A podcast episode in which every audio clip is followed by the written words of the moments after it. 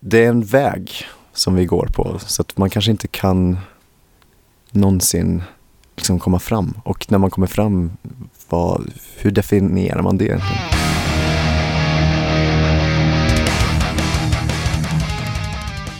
Du lyssnar på Rockpodden avsnitt 70.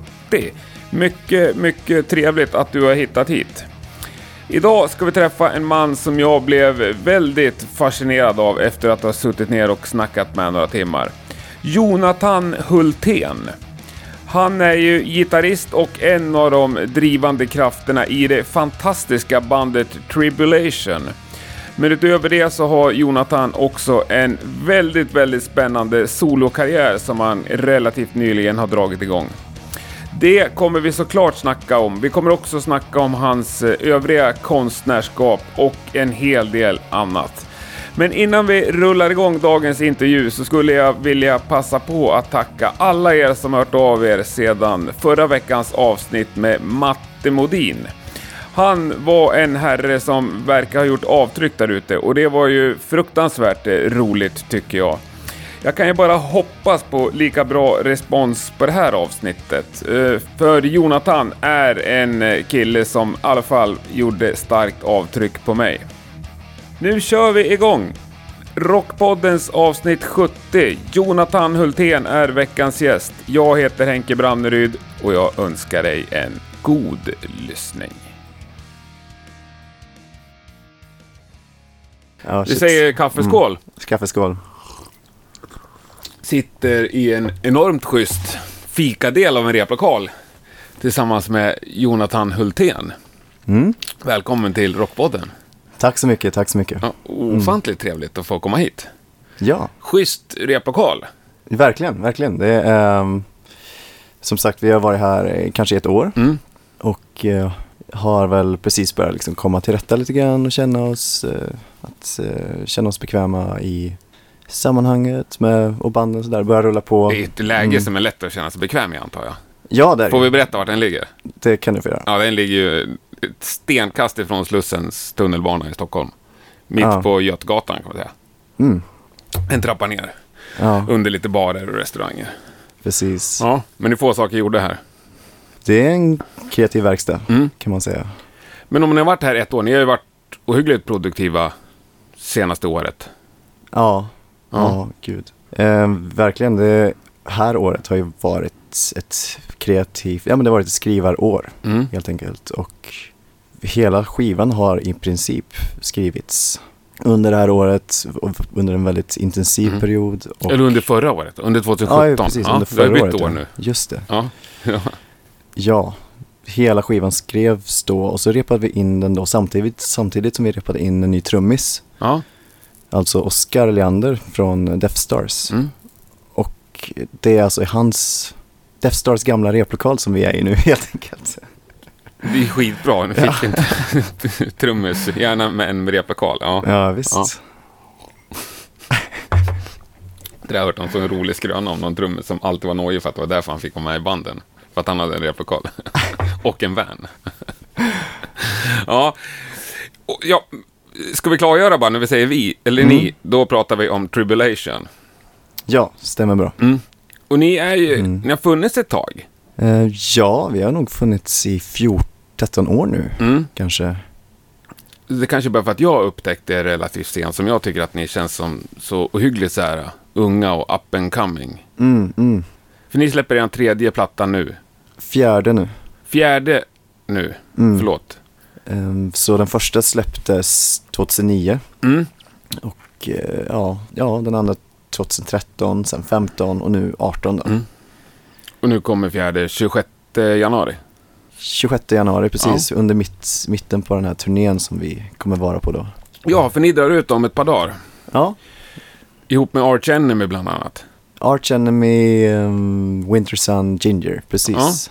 På en ganska bluffig turné. Den är ganska stor ja. Eller vi har nog inte varit på så många stora turnéer i Europa förut. Nej. Så det blir lite utav en alltså, en ny arena att erövra, eller så här, inte erövra men att komma ut till och se. Mm. och eh, nå ut till nya människor som inte har sett oss. Jag tror inte att vi är så stora i eh, Europa helt enkelt. Nej, men det kommer ju bli arenor på det här, antar jag. Capacity kanske 2-3 tusen kanske, mellan 1 och 3. Små arenor. Mm. Men det är underbart. Det är härligt, det är grymt. Vad är det för spelordning på den turnén? Vet du det? Ja, det är Ginger och sen är vi och eh, sen Winter Sun och Arch Mm. Enemy. Schysst. Men det är väl ganska bra spot att vara tvåa. Det, det är bra. Alltså, det är ju bättre på pappret. Men i verkligheten så kommer det innebära lite mer jobb tyvärr. Eh, För det är en, på, i praktiken så blir det en väldigt, är det en väldigt eh, jobbig eller otacksam plats att vara på. Förklara Rent, för oss eh, som aldrig har varit på sådana här turnéer. Ja, rent logistiskt så är man första band så, speciellt på större turnéer, då, då får man ju soundchecka sist och då kan man ha kvar grejerna på scenen Mm. och man slipper rodda så mycket och sen så blir man klar väldigt tidigt och så har man kan man liksom, ja, skjuta det åt sidan och eh, f- knyta ihop påsen på kvällen liksom och så vara klar. Mm. Men att vara i mitten är lite knivigare för då måste man så här, eh, rodda på snabbt och speciellt då nu när vi Mm. har lite mer grejer. Vi kommer ha lite mer eh, podium och sådär. Och ljus och sånt. Krångligt och jobbigt att bära. Så det blir så här snabbt på med allting och sen kommer vi väl ha någon, någon minut så bara, ja nu kör vi. Mm. Och sen samma grej av liksom. Men har ni någon folk med er som tillhör bara er så att säga? Ja, vi kommer ha två crew. Mm. Men ni får allt hjälpa till att bära själva också? Ja. Ja. Ni är inte Det- riktigt där än? Nej, det kommer nog ta ett tag. Ja. Men annars så är det väl en ganska spikrak kurva uppåt för er? Ja, den, i alla fall eh, det är en vinkel uppåt, en viss vinkel uppåt. Ja. Spikrak är lite att ta kanske, men det känns som att det, det växer ändå för, för varje platta sådär. Ja. Och ehm, även kreativt så Mm. blir ju, så ändras ju musiken också Mm. lite för, för varje. Ja, Platta. verkligen skulle Mm. jag säga. Jag fick ju faktiskt ett förhandsex av nya skivan. Ja, jag tycker den är svinbra. Men det var ju Mm. ganska mycket poppigare, kanske fel ord, men Men mer den är- lättillgänglig. Ja, den är mer rak, Mm. rakt på sak. Den är lite kort, den är, näst, den är den näst kortaste Ja, av alla plattor. Den, den första är ju så kort för att den är så snabb. ja.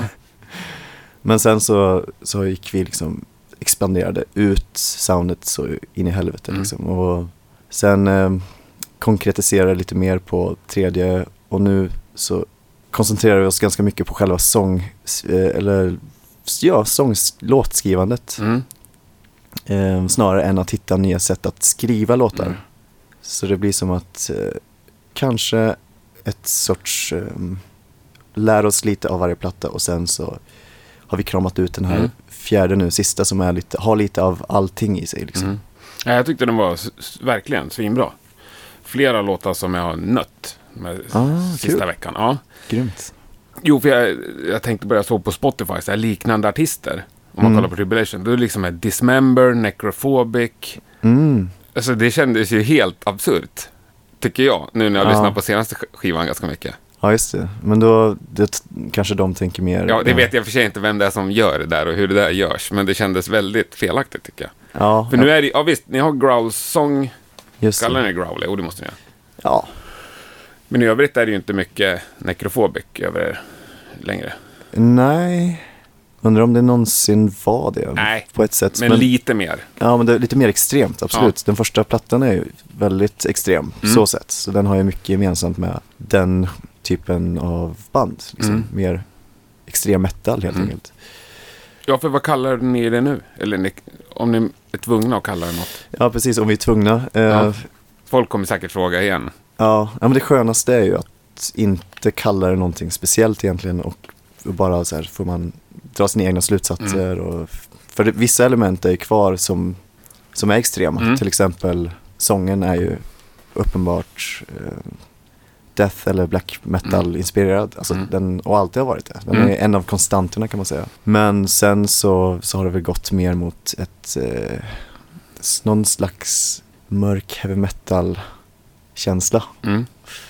Men Jag vet att det är tråkigt, men vad, vad Mm. tror du att folk kommer jämföra er med förband nu på nya plattan? Oj, Vilken liknelse kommer du vara trött Mm. på efter 200 intervjuer? jag har inte hört så mycket än. Nej. Alltså där, vi har gjort ganska, vi har haft en intervjuperiod nu. Mm. Men jag har inte hört några direkta jämförelser sådär. Ingen som har sagt Ghost? Jo, det, fast det är mer f- när, när man träffar på folk som har sett oss live och det gjorde de redan förra plattan. Okej, ja. liksom. Kanske speciellt i USA till exempel, där Ja. man bara säger, ja, ett till svenskt band. Ja, de är lika Ghost. Ja, fast, ja, ja okej. Men jag tycker, vad heter den? Lady Death va? ja, tycker jag det finns ändå några tydliga Ghost-referenser. hmm. Nu kan inte jag allt det här med stämmor och alla vad heter, men det är några speciella små femmer kanske eller någonting. ja Som Ghost det. ofta kör med, som smälls in där. Men det kanske ni gjorde före Ghost, det ska jag inte säga, jag har inte studerat det så noga. Men jag fick lite den känslan. du menar i melodin typ? Ja, med första riffen och versen och... Mm. Mm. Ja. Lite Ja. att basen inte lirar grundton och sådär. Ja. Nu är jag ute på djupt vatten, för jag Ja. kan inte förklara musikteoretiskt vad det är. Ja, men, ja. men, men absolut att baserna följer ju inte alltid Nej. grundtonen och sådär. Det är, det är inte särskilt Ghost-inspirerat skulle jag säga. Det är nog mer inspirerat av oss själva på ett Mhm. visst sätt. Som vi, har, vi har tagit, ehm, vi tar det till det vi gjorde förra gången och liksom tar det ett steget längre på Mm. många sätt. Men absolut så här, musikteoretiskt eh, så jag gillar ju det och så här, tänka i de termerna när, man- när vi skriver och liksom, ja men hur, vilka, vilka toner kan basen ta istället Mm. och vad, får det, vad ger det för känsla Mm. på, på musiken och ja men så här, variation och sen så får man inte bara tänka att varje funktion ska fyllas så att, att det ska Nej, vara, nej, nej. Ibland ska det bara svänga. Men det, ska, det är det viktigaste. Det är ja, ja, absolut. Ja, ja. Om du frågar mig. Verkligen. Rockpodden sponsras denna vecka av Rocknet.se. Det är en e-handelsplats som säljer extrema mängder med rock och hårdrocks-t-shirtar och annan riktigt schysst merch. Rocknet.se skickar iväg din beställning samma dag som du lägger den och de har ett stort utbud och fin, fina priser. Men utöver att sälja en ofantlig massa schyssta prylar så vill Rocknet.se också samarbeta med unga svenska riktigt bra band. De trycker upp och lagerhåller och säljer din merch utan att ni som band behöver ligga ute med några pengar alls. Det låter väl ofantligt schysst, eller hur? Så när du har lyssnat klart tycker jag att du går in på rocknet.se vare sig du vill handla en tisha eller höra dig för om ett eventuellt samarbete.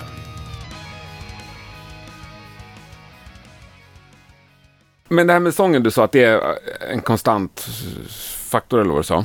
Mm. Har ni någonsin övervägt att leka med den? Ehm, Jag tror att vi är, vi är ganska eniga om att den ska vara kvar som den Ja. är. Och sen så har vi ju eh, till exempel på Lacrimosa som är sjunde låten på Mm. plattan. eh, Så har vi en um, munkkör som vi har spelat in själva. Så vi, vi sjunger ju en del ändå. Ja. Men inte på det sättet. tycker jag. Så här, nu är det en kille som ska sjunga i refrängen. Eller nu ska Jonke Nej. börja sjunga toner verkligen. Nej, för att eh, jag tänkte vi skulle komma till ditt fantastiska soloprojekt lite senare. Men där sjunger ju Mm. du allt. Mm. Och du sjunger ju helt fantastiskt bra tycker jag.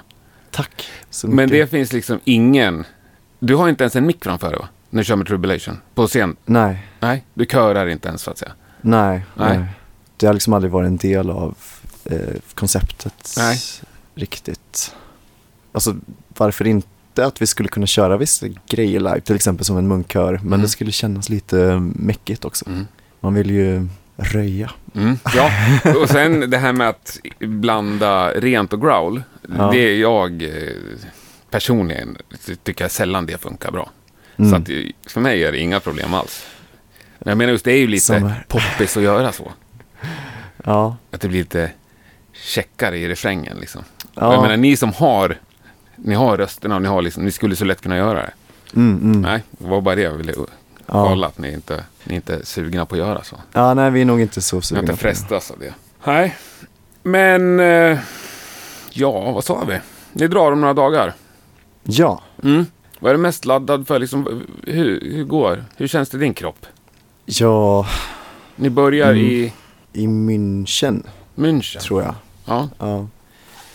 Nej, det, det känns som att det kommer bli bra när man väl kommer in i det. Mm. Det har varit väldigt här, stressigt att få ihop allting och det är inte riktigt samma sak som vi, när vi drog på turné i början, ja men för två år sedan kanske, då, eh, då var det mer att vi bara drog ihop allting, all packning i två stora resväskor och så hade vi våra gurer.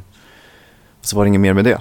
Eh, Men nu så har vi höjt ribban lite grann med att nu ska vi ha med mer saker, vi ska ha med mer personer med oss. Eh, Det är mycket mer omkostnader, det är mycket mer apparat liksom. eh, Som inte någon annan sköter utan vi får själv, sköta den själva. ja. Så det är mycket mer jobb liksom. Men ingen av de här personerna är liksom turnéledare? Jo, jo, vi har en tour manager och en, han är ljudkille också. Ja. Och eh, så har vi ett, en ljuskille med oss också. Så det, det är mycket mer ansvar, mycket så här, mer mejlande, mycket mer kontor. Men vad har vi? Vad, har vi tio dagar till premiären eller? Ja, Ja. Är ni hundra färdigrepade? nej, nu ska vi, det, vi, alltså, vi började repa igår egentligen. Okej. Så här, ehm, nu inten- intensivperioden liksom. Mm. Vi repade lite innan jul, innan alla drog, men det är nu som allting måste bara komma ihop. Hur mycket kör ni nu då, sista tio dagarna? Ja, Vi ska repa precis när den här är klar. Ja. Ehm, och eh, sen ska vi repa varje dag. Antal timmar per dag? Kör vi kör setet några gånger, kanske Ni- två. Vi kör sättet pa- Ja. ja. om och om igen. Ja, Typ. jag tror det. Ja. Kanske två gånger. Så. Men Men- igår blev det en liten eh, längre då, eftersom det var första. Men det känns bra, ni kommer få ihop det. Ja, Mm. inga problem. Repar Mm. ni live, ja repar kanske alla gör live fortfarande, men Mm. repar ni som band mycket inför skivinspelning och sådär?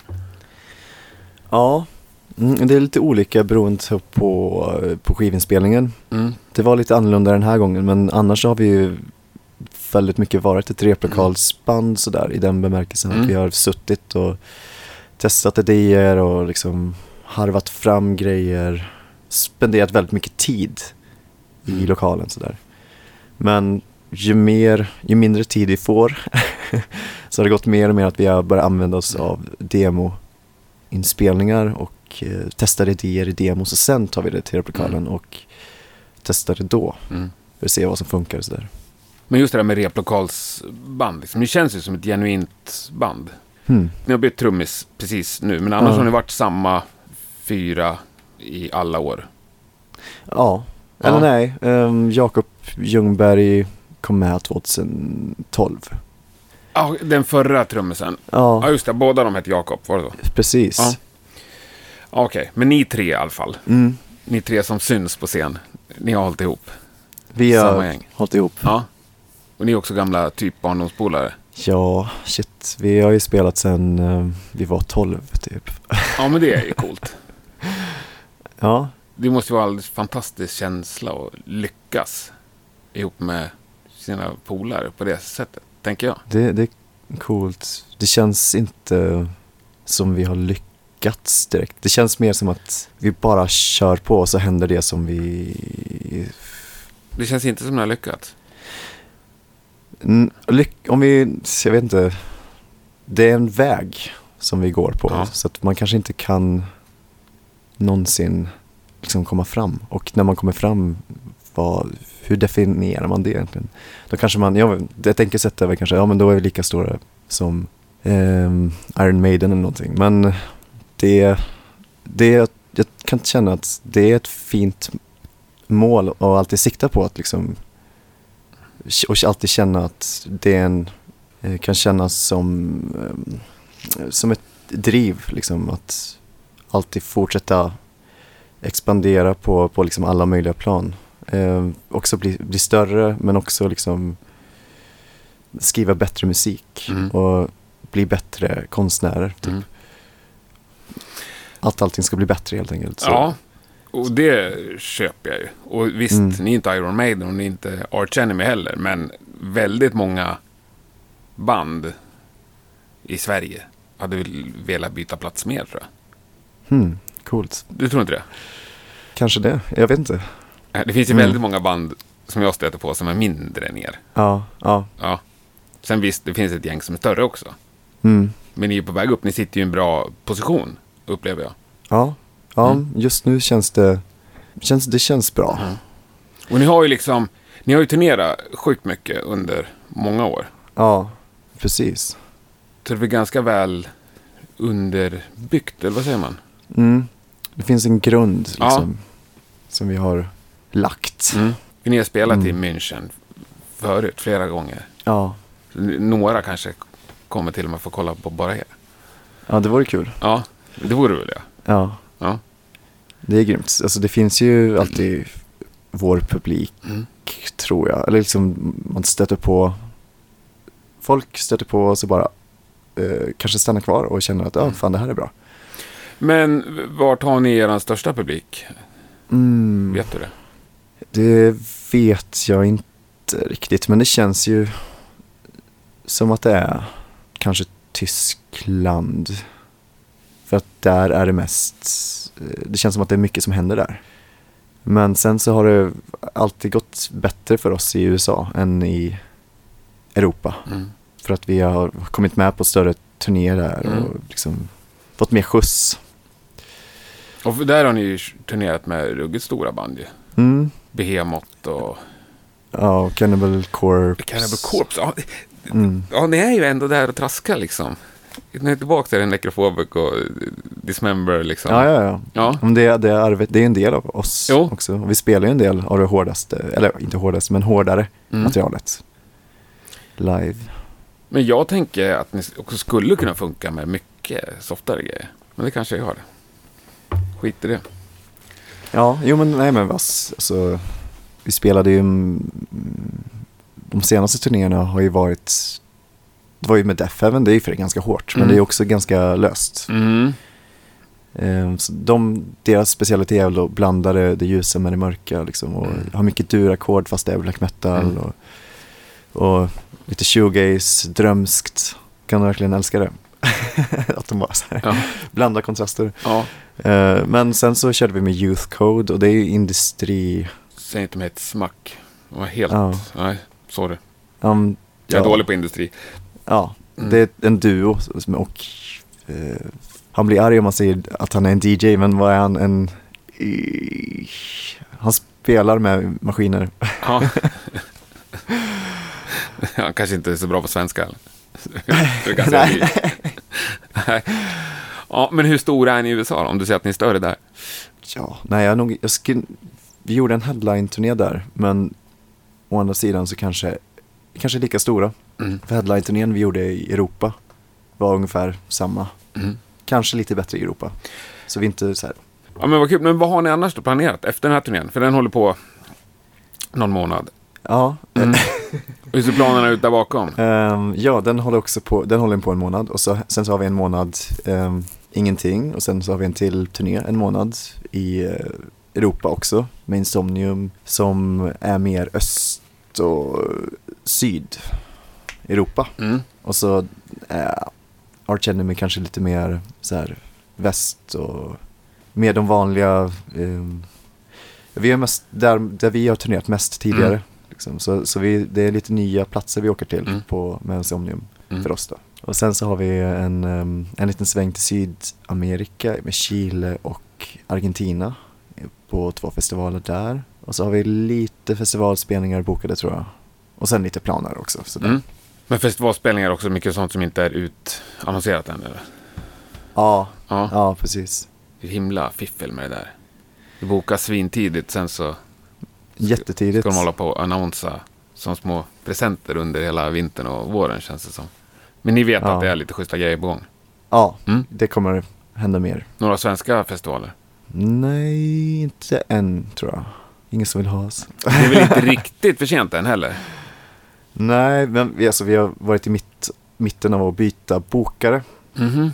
För vår gamla slutade och sen så har vi fått en ny och han har, har inte riktigt kommit in i oss Okej. tror jag. Så vi har inte, ja det har inte gått så bra typ. Med att få nya spelningar. Nej. Så vi får ju se om, om det blir något. Taskig timing. Men eh, Ja. det kan ju smälla till när ni släpper nya plattan också. Ja, och det kan ju bli som att det händer efteråt också. Mm. Lite som eh, släpande, släpande lön. Mm. ja, det vet jag inte vad det är för något. men, men eh, ja. Ja, visst är det så. Sen är det ju sällan nu för tiden för något band som det liksom exploderar när de lägger ut, släpper en ny platta.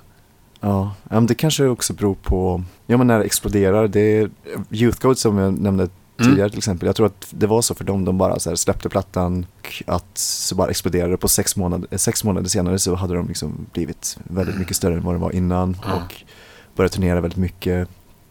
Och ja men då var det verkligen en fråga om en explosion Mm. sådär. Men det är Mm. sjukt sällsynt, upplever jag det. Ja det kanske är det. Jag upplever Faktiskt, mer ja. som att det är som ni. Ja, man får traggla Nött på tio års turnerande, bara om och om, och om igen. Ja, Så blir det liksom en liten promille. just det. Ja, Två nya fans per gig liksom. Så här. Och sen är det bara att köra 10 000 gig. Ja, ja men alltså Mm. lite så. Men det är, verkligen. Ja, men vad, ja, på ett sätt känns det ärligt tycker jag. Ja. Eller vad säger du? Den som kämpar hårdast vinner. Ja, det är väl rättvist. kan man se, se det som på ett sätt Ja. faktiskt. Det finns alla, alla de som jag stött på, på vägen som liksom är lite större. Det känns som att de har en väldigt lång historia av att ja, slita Mm. och har gjort väldigt mycket Mm. liksom. Eh, och har gått igenom väldigt hårda tider, typ. Mm. Så känns det som. Ja, men kolla på Arch Enemy. Mm, mm. De har inte haft många månader off sen de startade. De har ju nött och nött och nött. Ja, ja. Sjukligt ju, ja, är min bild. just det. Lägger alltid till. Ja. Ja, Ja. ja. men vadå? Tycker du att ni är underskattade? Jag vet inte, alltså, jag, jag tror att det är mer att det, vi har ju alltid trott på vad vi har gjort Mm. ända från starten och alltid känt så här, ja men det här är bra typ.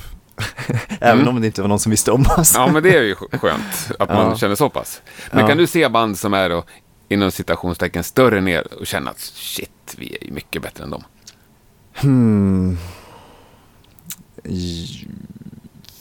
Jag vet inte, det, det där känns mer um, som att det är upp till var och en att känna och jag tror att det som vi tycker om kanske inte alltid alla andra tycker om faktiskt. Nej. Så jag, på ett sätt så vet jag inte om vi har ens potential att bli st- så stora. Liksom. Så det, Men vilka, vilka tänker du på då? Ja, Arch Enemy till exempel. Ja, Eh, De, vi har inte alls ett sound som dem. nej. Eh, Och det kanske inte är, eh, vi skulle nog inte vilja riktigt låta riktigt som dem heller. Men, och med det sagt så i, i och med att om det är det som eh, så många gillar så kanske vi inte har samma potential att nej. så här, bli stora i, hos dem. Jag vet Nej. inte. Så det, jag tror att det är väldigt mycket upp till mm, det gäller bara att tro på sig själv och känna att det man gör är bra och så Mm. bara får man köra på. Det tycker jag verkligen vi ska göra. Mm. Men, men vad är det som driver det då, så att säga? Om ni är ganska övertygade om att det ni gör är rätt, ni tror på det själva stenhårt. Mm. Vad är det som, vad kommer den grundmurade liksom tanken ifrån? Ja. Vad den, grund, vad den grundtanken kommer ifrån, det är, vi har alltid varit, vi var väldigt så specifika med vad vi höll på med. Speciellt i början då. Mm. Och vi liksom odlade en lite egen kultur och liksom hade vä- väldigt så här eh, bestämda uppfattningar om vad som var bra då. Lite, lite så här tonårs eh, fundamentalistiskt. Mm. Då när det begav sig, när vi var ja, men, mellan 13 och 16 när vi typ drog igång Tribulation. Jag var 15 tror jag när vi liksom bytte namn till Tribulation. Eh, så utifrån att ha väldigt så en, en, en bestämd idé över vad vi tyckte var bra. Så utifrån den mallen så tyckte vi att vi var bra. Ja, Men, eh, och sen, sen såklart så har vi inte riktigt kvar den här väldigt trånga eh, tunnelseendet, eller tunnellyssnandet. Men självförtroendet av att så här, tro på det vi gör, Mm. det fanns nog kvar. Som en sorts grund att stå på. Mm. Eh, Så vi, varje gång vi skriver en platta eller ja, när vi skriver musik eller till och med när vi är på scen så, så är det med liksom en, den där grundkänslan av att Mm. nu jävlar, här är vi liksom. Ja, det är underbart. Men vad var det som var då, när ni var 15? Mm. Om du säger att det ändå är fortfarande det ni bär med er. Vilka absoluta krav fanns det på att det här ska vi göra och det här ska vi inte göra? Ja, Hade eh, ni något, har ni något som ni har sagt att det här kommer vi aldrig göra? Vad är det största liksom, förbudet Ja, i ert band? ja precis, men det var väl väldigt mycket som vi absolut aldrig skulle göra. Ja, men, till Det- exempel? Det var nästan lättare att säga vad vi skulle göra och det var ju så här hård döds med, med skräckfilm och väldigt mycket mörker liksom. Och sen så, det ändrades ju ganska mycket där och då men sen så utvecklades det väl till, från zombie så blev, blev det mer någon slags vampyrstämning på det hela och det blev väldigt, nästan lite romantiskt sådär. Eh, mörkt och eh, 1800-tal och jag vet inte. Svårt att sätta ord på den känslan men lite gotiskt. Det, det gotiska har Mm. funnits, med, funnits där från första början. Liksom. Så i och för sig, man kan ju se det så här att vad som helst som har den här mörka eh, känslan som vi kände i den musiken som Mm. vi lyssnade på kunde vi ta till oss liksom. Mm. Och tycka var bra. och vi inspireras av. Ja, Ja. men lite ändå. Mm. Jag vill ha något exempel på vad, liksom, vad, vad har ni för förbud? Vad är det största? Ja, det, det skulle till, till exempel vara det som vi pratade om förut, att sjunga eh, Ja. och blanda Mm. eh, growl och mm, rensång. Men eh, ja, det i och för sig då, det förbudet kanske till viss del ligger kvar. Och det kanske är ett slags fundament bland några få liksom, som verkligen så här, finns kvar Mm. från den tiden av väldigt så här, hårda Mm. regler eller vad man ska säga. Eller stark, eh, starka åsikter eller tankar om vad vi vill göra. Liksom. Sen så, så har vi ju övergett väldigt mycket från varje skiva till skiva. Sådär. De, de gamla idealen och behållit några. Liksom. Så att den första plattan låt, ej låter helt annorlunda från den senaste. Mm. Även om det finns vissa element som, som finns kvar. Då. Ja, det går ju att höra att det är samma band. Det, det är grymt. Det är ändå, jo, men det är ändå en tydlig utveckling. Ja. Ja. Vi snackade lite om här innan, om Mm. Linnea i Tyrannex. Just det. Ja. Hon var ju benhård på det där. Det fick liksom inte... Ja, det utvecklades ju, men jag kommer inte ihåg hur hon uttryckte det, men att Ja. det... Ska jag göra något annat, då, då får det bli ett annat band liksom. Det är exakt den här grejen jag ska göra bara. Ja. Ja, men lite så. Och jag kan ju på ett sätt gilla det också, samtidigt som jag naturligtvis gillar band som utvecklas. Mm. Men det var väl, hon sa också att gå framåt samtidigt som man går bakåt. Och det kan jag känna igen mig i ganska mycket. Ja. Att sådär, man kollar bakåt, eller strävar lite bakåt, men också strävar väldigt mycket framåt. Mm. Så att man dras åt, i två, två olika Mm. riktningar och så blir det någon slags, tänker jag, en, eh, en spänning. Och det är den spänningen som, kon, när kontrasterna möts, liksom, där det kan bli eh, bra musik och bra konst. Mm. Men ni, era hardcore-fans, de kommer ju... Ja, förhoppningsvis kommer de älska det, men det, det kommer ju finnas folk som säger att första skivan var bäst. Det gör det kanske för alla band i hela världen. Men när man ändå utvecklas, liksom. Ja, Eller har ni redan hört det? Har ni ändå släppt Ja. två singlar? ja, ja. Är det någon Eh, som har protesterat? Ja, det är det väl. Men å andra sidan, det, i och för sig i, så är det kanske lite mer nu. Än, men det var väldigt, eh, det har alltid varit mycket protester. Ja. Men det är okej. Ja. ja, jag tycker ACDC ändå är ett bra exempel. Det är ju ett band som man ofta tar som exempel att de utvecklas. Det är samma skiva om och om igen, liksom. Samma fyra ackord. Mm, mm. men lik förbannat så tycker ju alla ACDC-fans att de första skivorna är bäst. Ja, Så att det spelar ingen roll hur du gör, tror jag. just det. Det kan du ta med Ja. dig som en värmande tanke om du får kritik. Man, ja, Ja, man får stålsätta sig på många olika sätt. ja. Och inte vara för känslig. Men är du det annars? Känslig? Mm. Ja. Mm. Men eh, det är mer att ehm, man får lära sig känna sig själv och eh, hantera sig själv typ. Mm. För, eh, om vi ska glida in lite på ditt soloprojekt. Mm. Så tycker jag att du upplevs extremt skör där. Mm. Och det blir ju, jag sa att jag fick ju nästan så här gråten i halsen på tunnelbanan på vägen hit. Mm. Det är så otroligt utlämnande och sången är liksom mitt i skallen i mixen sådär. Ja, ja. Och där känns det som att det är väldigt naket. Det är du och en gitarr Mm. som du i och för sig bygger på på ett helt fantastiskt sätt till några stora orkestermonument, om man säga. Symfoniaktigt. Ja, Men där känns det väldigt... det är, ja, skört ja. Det, det är väldigt, eh, det är väldigt minimalistiskt Mm. sådär och eh, i och med att sången får en väldigt stor plats Mm.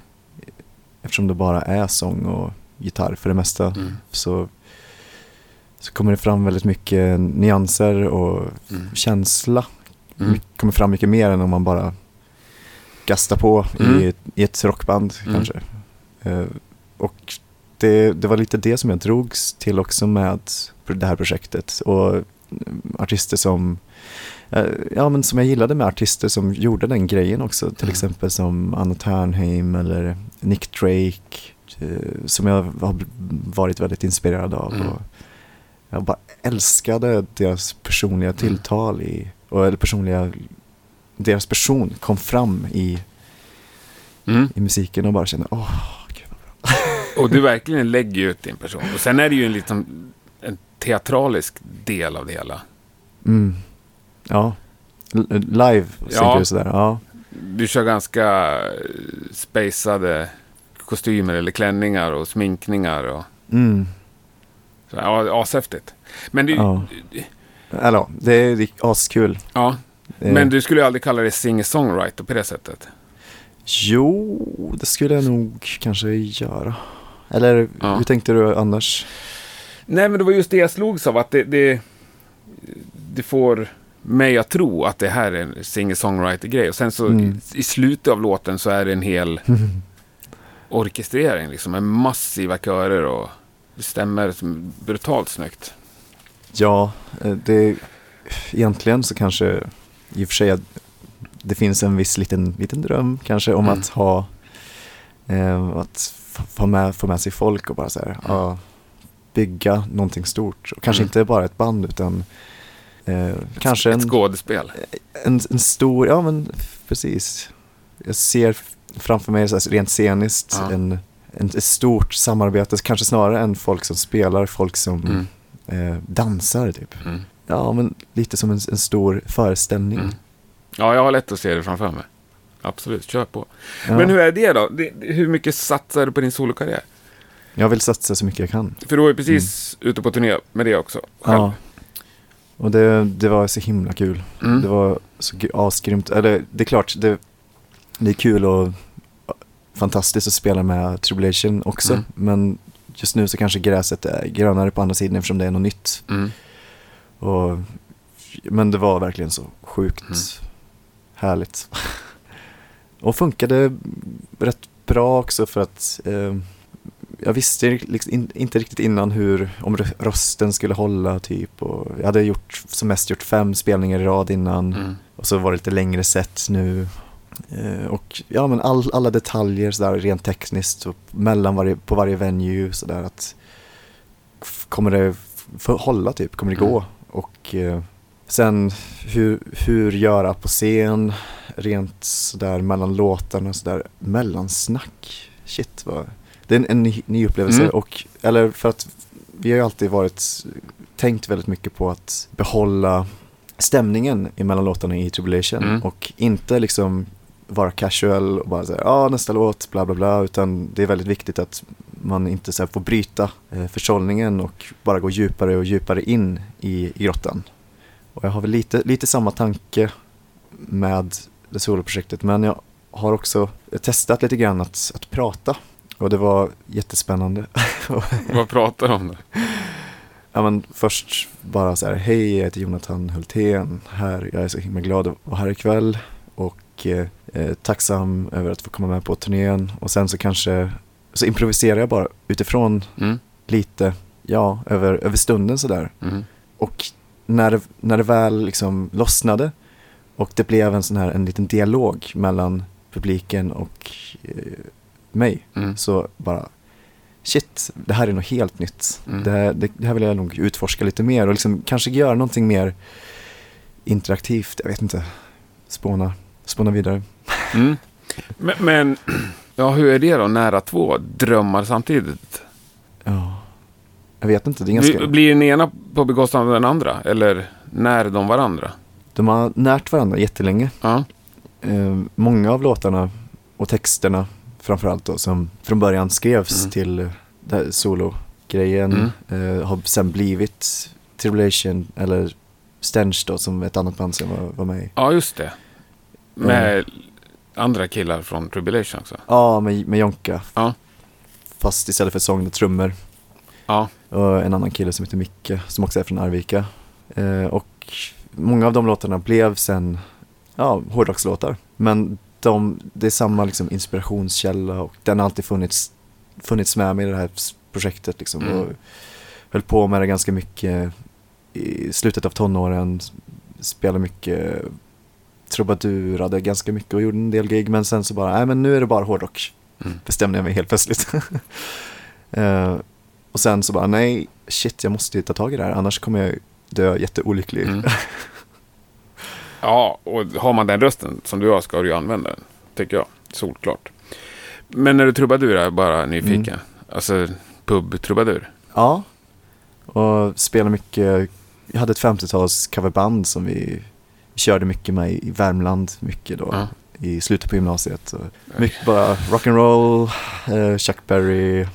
Klyscha också, Värmland liksom. Ja, ja, ja. ja. Raggarträff i ja, Åmål, ja men typ, typ. Ja, det är bra. Att inte allt förändrats. ja. ja men vad, vad, har du något mer planerat med soloprojektet? Ja, Roadburn eh, i Nederländerna den, ja, i slutet på april efter Insomnium-turnén. Mm.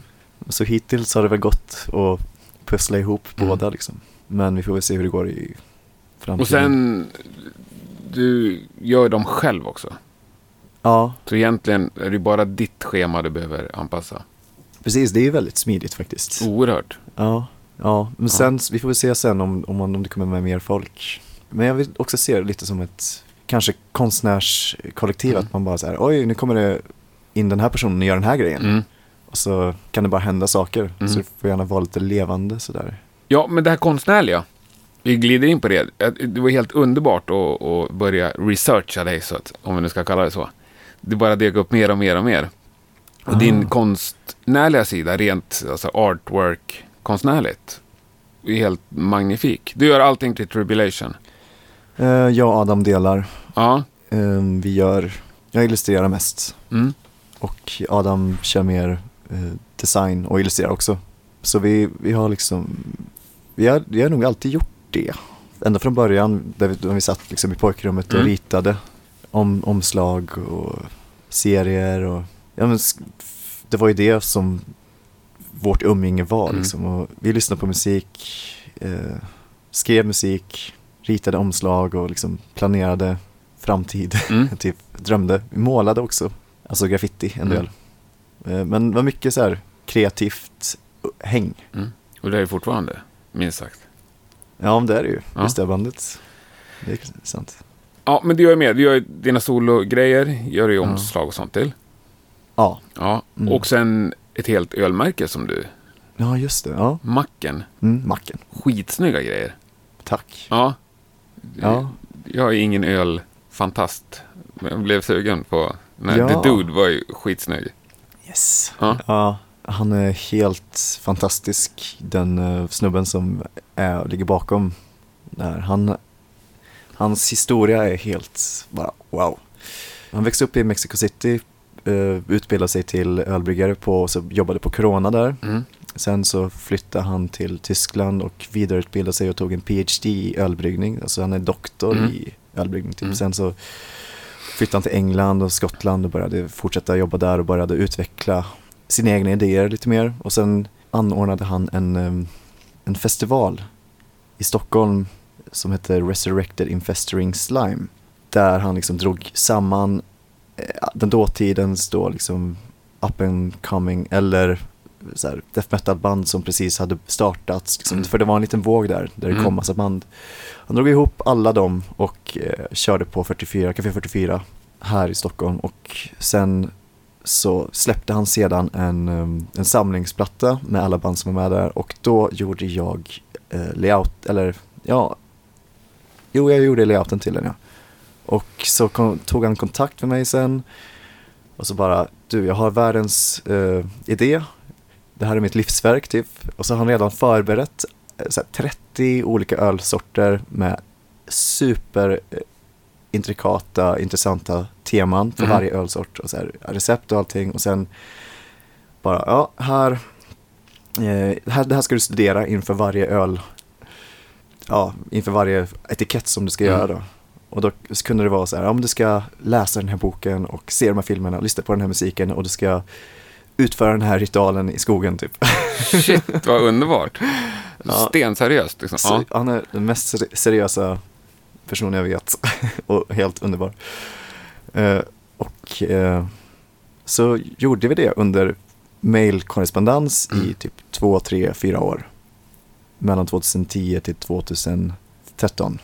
Och sen så flyttade han hit 2013 och nu så, så har han gjort kanske 18 av dem. Så ja, det är 12 kvar. Typ. Så du håller på att studera i skogen och Ja, läser? ja, det, gjorde Ja. jag, det gjorde jag då. Ehm, Men vad skulle du göra i skogen? Det blev man ju nyfiken på. Jaha, eh, det var för en öl, den har inte släppts än. Då hade han köpt en, eh, han hade köpt rökelse och ett rökelsekar från, från Mexiko eh, och skickat hit det. Och temat hade att göra med, nu kan kan jag inte uttala det, men Quetzalcoatl. Det är en, eh, en gud, som, eh, en solgud om jag inte minns fel fel, som jag då liksom skulle invokera mer eller mindre och så här, ta inspiration av. Eh, och då var jag ute i Nackareservatet och bara gjorde den här grejen. Men det, alltså, jag älskar att liksom gå in och verkligen göra. Ehm, han, han lärde mig mycket för jag var ju i de tidiga 20-årsåldern då och Mm. jag kunde verkligen så här känna, eh, det resonerade med mig så här totalt att gå in för saker så in i helvete för att jag har liksom lite samma mindset att Mm. göra till 100% eller att inte, göra alls. Nej. Typ. Så det, det var därför som han, det var ju tur att han hittade någon som orkar gå med på det där. Men det var skitkul. Lite, lite jobbigt också såklart för att det var, det var inte som att vi, eh, jag fick jättemycket pengar för att göra det utan jag fick ju snarare börja jobba för att klara av att göra, slutföra det. Men det var, det var ändå värt, det var häftigt liksom. Det var lite som en, någon form av så här, crosskulturell utbildning. Mm. Så här, bara, massa olika teman. Ja, ruggigt häftigt. Men eh, har du fler konstprojekt eller fler saker du gör? Ja, nej, jag har gjort lite omslag och layout åt andra band. Vilka då typ? Ja, senaste Vampire-plattan gjorde jag layouten till. Så det är nog det senaste. Och sen så, så är det lite grejer åt macken fortfarande. Mm. Sen har jag gjort en del videos, framförallt då till mitt eget projekt. Mm. Men också Melancholia-videon till Tribulation. Eh, och lite Macken-videos. Ja, men det är lite så här strö. Mm. Allt möjligt som bara kommer vägen. Vill du ha lite mer kaffe? Ja, men vi tar några droppar till va? Ja. Ja, det tycker jag. Rullar på bra det här. ja. Underbart. Det kanske blir lite kallt. Men... Ja, det gör mig absolut ingenting. Tack. Jo, men en sak som jag tycker är ruggigt roligt att snacka om. Det där med banddemokrati. Mm. Hur funkar det i Tribulation? Det är ehm, absolut en ehm, eh, demokrati. Mm. Eh, I och med att vi, det är inte en person som, som skriver musiken utan redan från början så är det ju två eh, kreativa, eller inte motpoler men det är två kreativa krafter Mm. som jobbar med varandra. Och de krafterna är Jag och Adam. mm, som spelar gitarr också. Mm.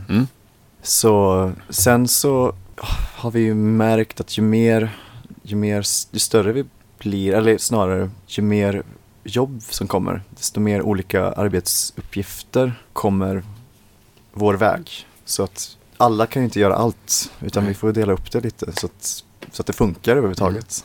Eh, så även om vi delar på, ja, på, på det kreativa området så där, väldigt, väldigt mycket och även på intervjuområdet så rent så här, bakom scenerna så är det väldigt, eh, så, ja men då delar vi upp, ja men du gör det här, du gör det här, du gör det här och så kan alla vara med och hjälpa till. Och sen så, eh, så Jonka är också med och, och han kör ju lika mycket intervjuer som, Mm. som vi liksom. Ehm, Ja, för han är ändå frontman. ja, ja, absolut. Mm. Blir han ju automatiskt, tänker jag, eftersom han sjunger. Ja, Men det är ändå gitarristerna som är de kreativa krafterna i bandet. Precis. Ehm, det är väl, man kan väl se det som att det är vi som kommer med eh, själva materialet.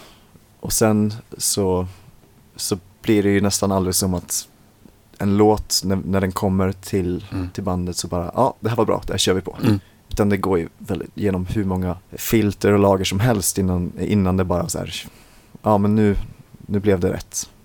Liksom. Men är vissa låtar, om vi tar nya skivan, vissa låtar Mm. där liksom signerade dig och vissa Adam? Ja, Ja.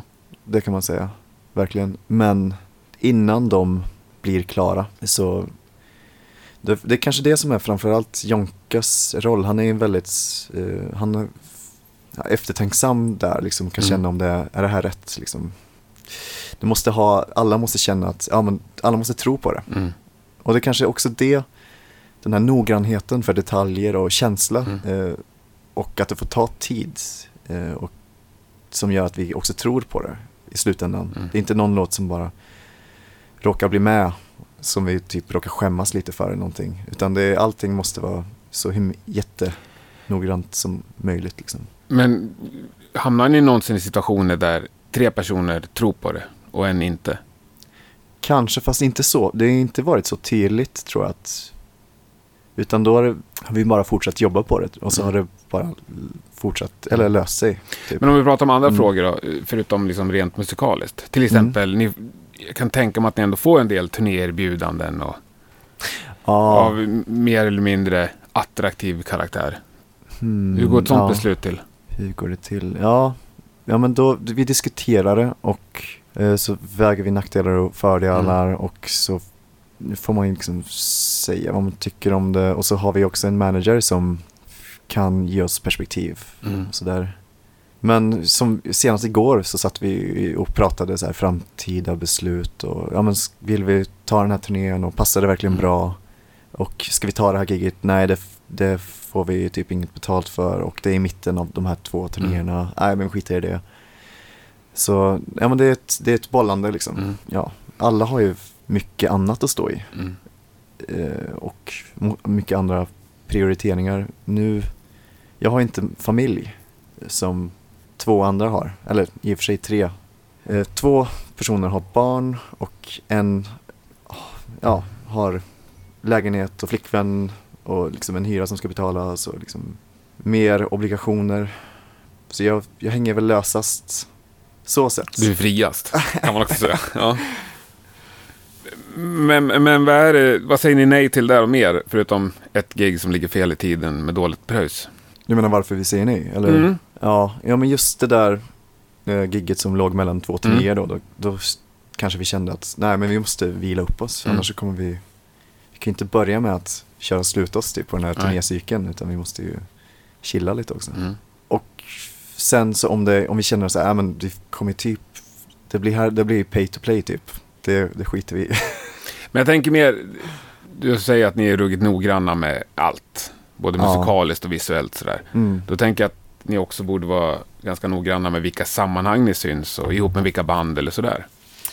Ja men den, den aspekten har ju funnits med. Mm. Ehm, och den, det har vi alltid tänkt på sådär. Men sen så kan jag också känna att det är någonting som vi har släppt på ganska mycket ju mer, eh, ju mer tiden går och för i, i sist, till sist och syvende så, så handlar det om att vi vill ju komma ut och spela och vi definieras inte av de som, ja, men som, vi, som vi spelar med, utan vi definieras av det som vi gör på scen. Mm. Så jag tror att vi tänker mer att vi, vi står för oss själva och så får vi komma ut och spela. Så att vi, ja, vi har släppt lite på det där att ja, men vi vill bara förknippas med det här och med det här och med det här. Liksom. Det, det är inte lika viktigt.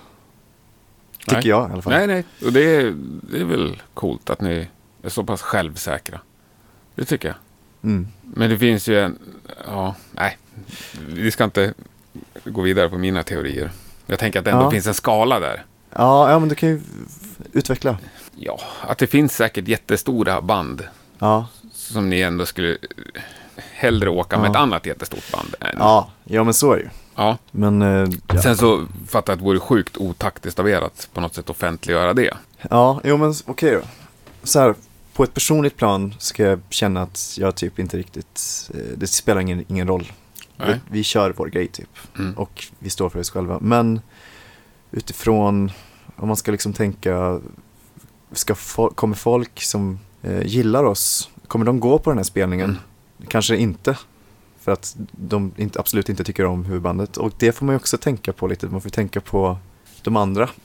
Ja, ja, ja men absolut. Ja, så ja men absolut, då får man ju eh, tänka om lite såklart. Så Mm. det är många aspekter som får vägas in i beslut. Så Det är Mm. inte så enkelt att bara tänka på sina egna preferenser eller sådär.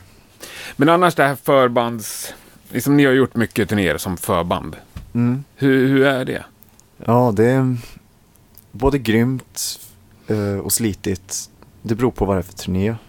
Eh, om det är en stor turné och eh, vi är typ först av fyra, då känner man kanske, då får man inte så mycket utrymme och det blir mycket stress och man, ja men det är allt från sådana här detaljer till att man inte får någon backstage eller att man inte får någon plats att sälja sin merch typ.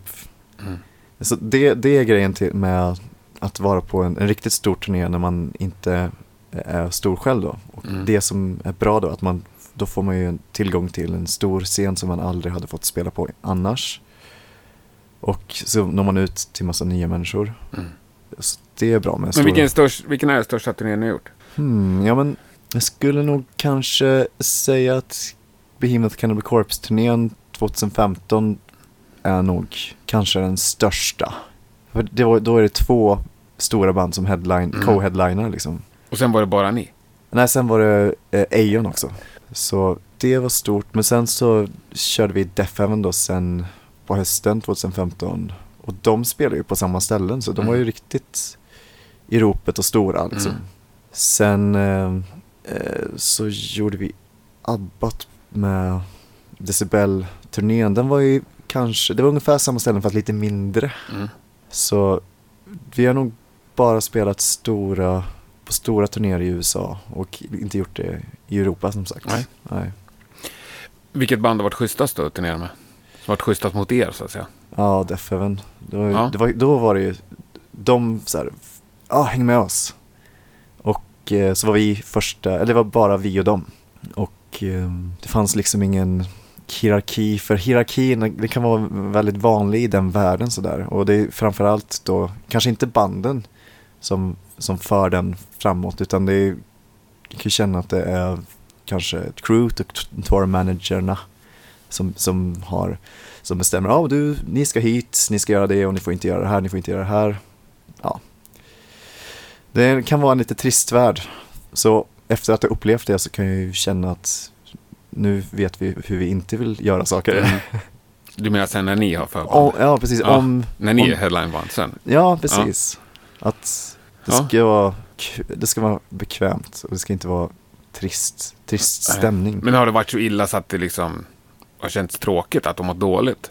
Inte mått dåligt kanske, men ja, vad ska man göra? Eller tänker du sådär på eh, förhållandena att man får, eller att det är någon som är dryg typ? Eller? Ja, men typ så här, halvvägs in i turnén bara känner att shit, det här Ja. suger. Liksom, jag längtar, jag längtar tills det är över. Ja, inte av, inte av de anledningarna typ. Kanske för att det har varit slitigt. Mm. Att eh, ingen sömn eller sådär, men och ja, Nej, men jag, har nog älskat att turnera lite för mycket för att känna att det, någon, Mm. att det ska ta slut. Liksom. Önskat att det, ja. Nej, det är väl helt fantastiskt om du känner så. Ja, Det lovar båda väl gott inför framtiden. jag hoppas För det det. kommer bli många varv runt jorden för dig innan det här är klart. Ja, Ja, men eh, ja. Det är nya tider nu. Det är, jag är nästan lite orolig för att det inte ska bli lika kul, typ. Jag är lite orolig för att typ peppen ska försvinna. Speciellt nu in, inför den här turnén så har det, det har varit så himla mycket jobb och vi, liksom, vi har aldrig riktigt fått en riktig paus och pusta ut. Så det kommer säkert, man kommer komma in i det efter mm. en spelning men just nu hade det varit så skönt med ett lit, en lite längre jul. men ja, det kommer bli asgrymt. Jag är övertygad om i, i slutändan. Mm. ja det får Mm. vi verkligen hoppas. Ja. Men du, har ni... Har du... Vi börjar med dig. Eller har, Mm. har du några konkreta mål för framtiden? ja. Att till fullo leva på musiken och spela, ja, att spela mycket live med, med både eh, bandet och mitt eget projekt och att speciellt då att mitt, eh, eller ja, båda eh, ska kunna få nå sin fulla potential och verkligen få vingar och Mm. vi ska kunna göra, bli fria i vårt uttryck och bara kunna göra vad vi vill. Frihet. Mm. Det är ju inte så konkret frihet såklart men det, målet är att eh, få göra vad vi vill. Ett oerhört fint mål. Mm, Ja, ja det kanske är kon- konkret. på ett sätt. Ja, på ett sätt väldigt diffust. Ja. Ja, Ja men precis. Sen så vet jag inte vad, eh, vad det kommer innebära om tio år eller om fem år. Så där, vad, vilken riktning saker och ting kommer ta. nej. Så där. Vi kanske får lust att göra andra saker. Eller jag menar, Tribulation kanske, vi kanske inte ens gör, kör på samma formula av att vi gör turnéer eller sådär. Alltså nu spekulerar jag bara, Mm. det kommer vi säkert göra. Ja. Men eh, jag är öppen för att vi, ja men att det blir mer konst också. Att vi Mm. bara så här får resurser att bara göra fräna saker. Och bara flummar ur fullständigt. ja. Men vad- vad- liksom, kan du tänka tio år fram i tiden? Vad du ser Ja. dig själv då? Mm, mm.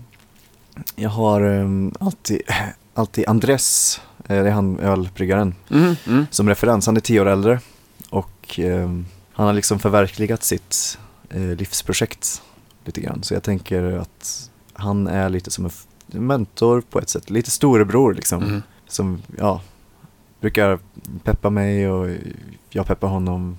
Så, ja men lite som han, att förverkliga eh, sina drömmar. Och Mm. ja, det- rent konkret så jag vet inte riktigt där heller, men att fortsätta följa drömmarna Mm. liksom som Ja, som och du är väl på finns. god väg att förverkliga dina livsprojekt? Ja, Eller har, eller har du fler där bakom som ingen vet om? nej det här, det här var nog den största gömda garderobsgrejen liksom att Solo?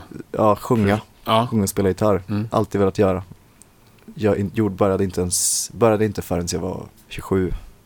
Med att Det är liksom, Skitcoolt, tycker jag. Ja, men det är ju inspirerande att höra. Även om jag råkar vara lite äldre.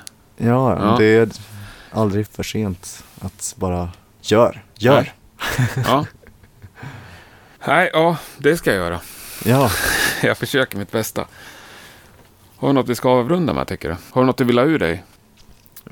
finns det något på det där pappret som du Ja, har? det finns massa. Det tog lite andra vändningar. Ah, intressant. Vad, vad har du mer som du kanske skulle vilja få med? Ja, det, här, det, det, det är lite... Jag skriver liksom inte... Ja, du ser ju. Det är sju ord bara. Konkurrenter har skrivit upp där.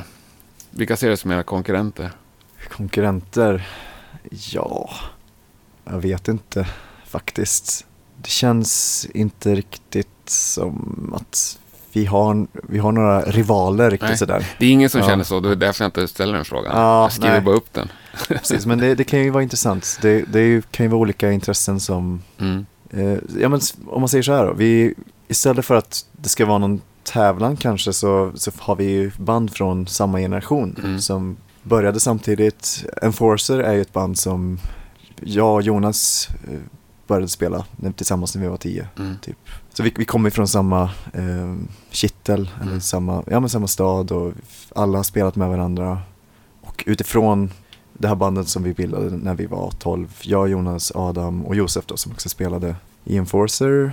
Vi splittades tre år senare och så blev det Troublation och sen två år efter det så bildades Enforcer med Olof och Jonas och sen eh, Josef också. Mm. Så, Så du sneglar lite på dem? ja men vi, vi kommer ju från, ja precis, vi är på något sätt födda ur samma grej liksom. Ja. Och sen alla band som, som var aktiva samtidigt. Och eh, det var ju en In Solitude, fast de har ju lagt ner. Nej men lite sådär, samma generation band. Mm. Som man kan känna en viss släktskap med. Mm. Ja, Du är ändå polare? ja, Ja. Och du förhoppningsvis önskar dem väl? ja, ja Ja. absolut. Fast inte riktigt lika väl som du önskar dig själv. Nej då. Ja, en till jag skriver här, men det tycker jag att du har besvarat. Eh, Mm. Vad är du mest stolt över av allt du har gjort? Det är att jag har äntligen gjort den här eh, singer-songwriter-grejen. Mm. Som jag alltid drömt om, Mm. men aldrig riktigt vågade. Och så bara, Och det var ju lite det jag tyckte att du hade. ja, Jag tyckte det framgick med all önskvärd tydlighet. ja. Men du, en sak till då. Mm. Som jag gillar att fråga om. Eh, har du några underskattade svenska band? Som du skulle vilja lyfta fram? Uh, kan inte riktigt komma på något band som jag liksom nyligen har lyssnat på mycket eller sådär. Jag brukar alltid komma på det här efteråt. Mm. Efter eh, man har pratat om det så bara, ja just det, det här. Du kan ju messa mig det. Ja, ja, imorgon. kan jag göra. Ja. ja, det är lugnt. Ja, Nej, men då tycker jag vi avslutar. Så Ja. stort tack. Mycket, mycket trevligt att träffa dig. ja detsamma. Mm. Det var skitkul. Verkligen eh, inspirerande för mig. Grymt. Ja. Jag tror vi avslutar här med att klippa in den låten som vi pratade om som jag nu har tappat. Ah, Säg den. Nightly Sun. Nightly Sun. Ja, Är inte det en fin avslutning? det är bra. Ja, hela. Långa. Kör, kör. Ja. Asgrymt. Så förstår folk vad vi har pratat om. Mm. Ja, bra. Tack. Tack. Ja, vad var det Jonathan sa? Man skulle behålla magin. Så jag skippar helt enkelt mitt eftersnack den här veckan och så njuter vi. Tack för att du har lyssnat.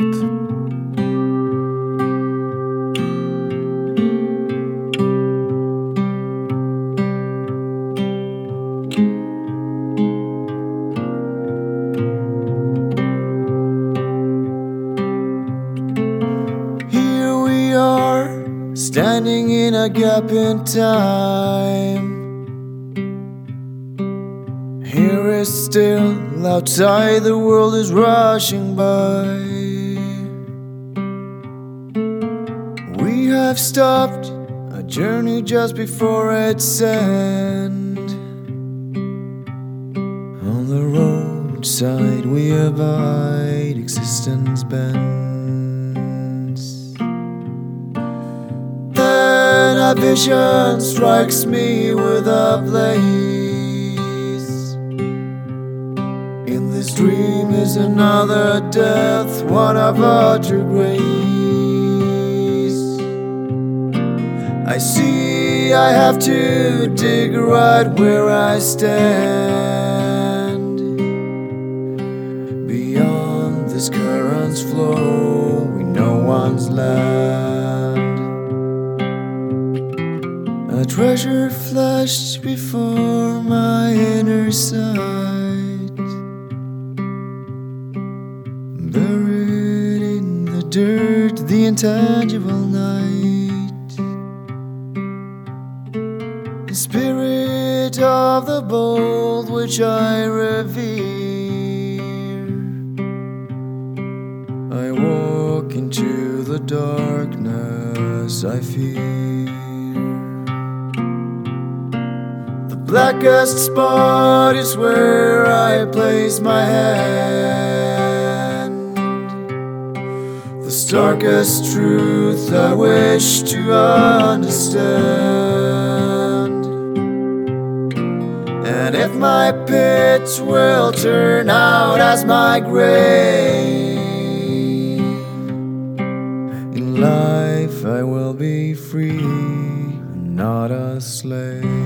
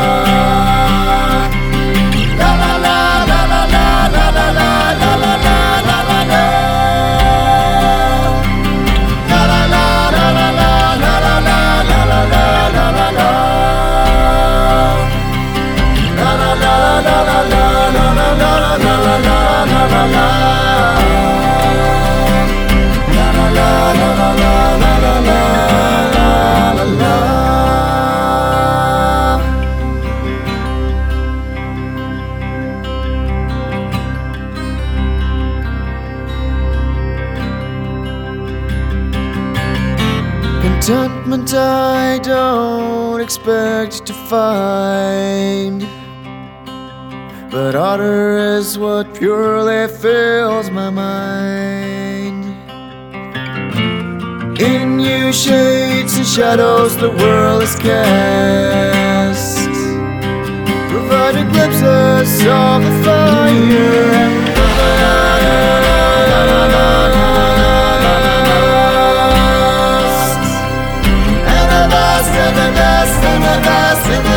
Celebrate.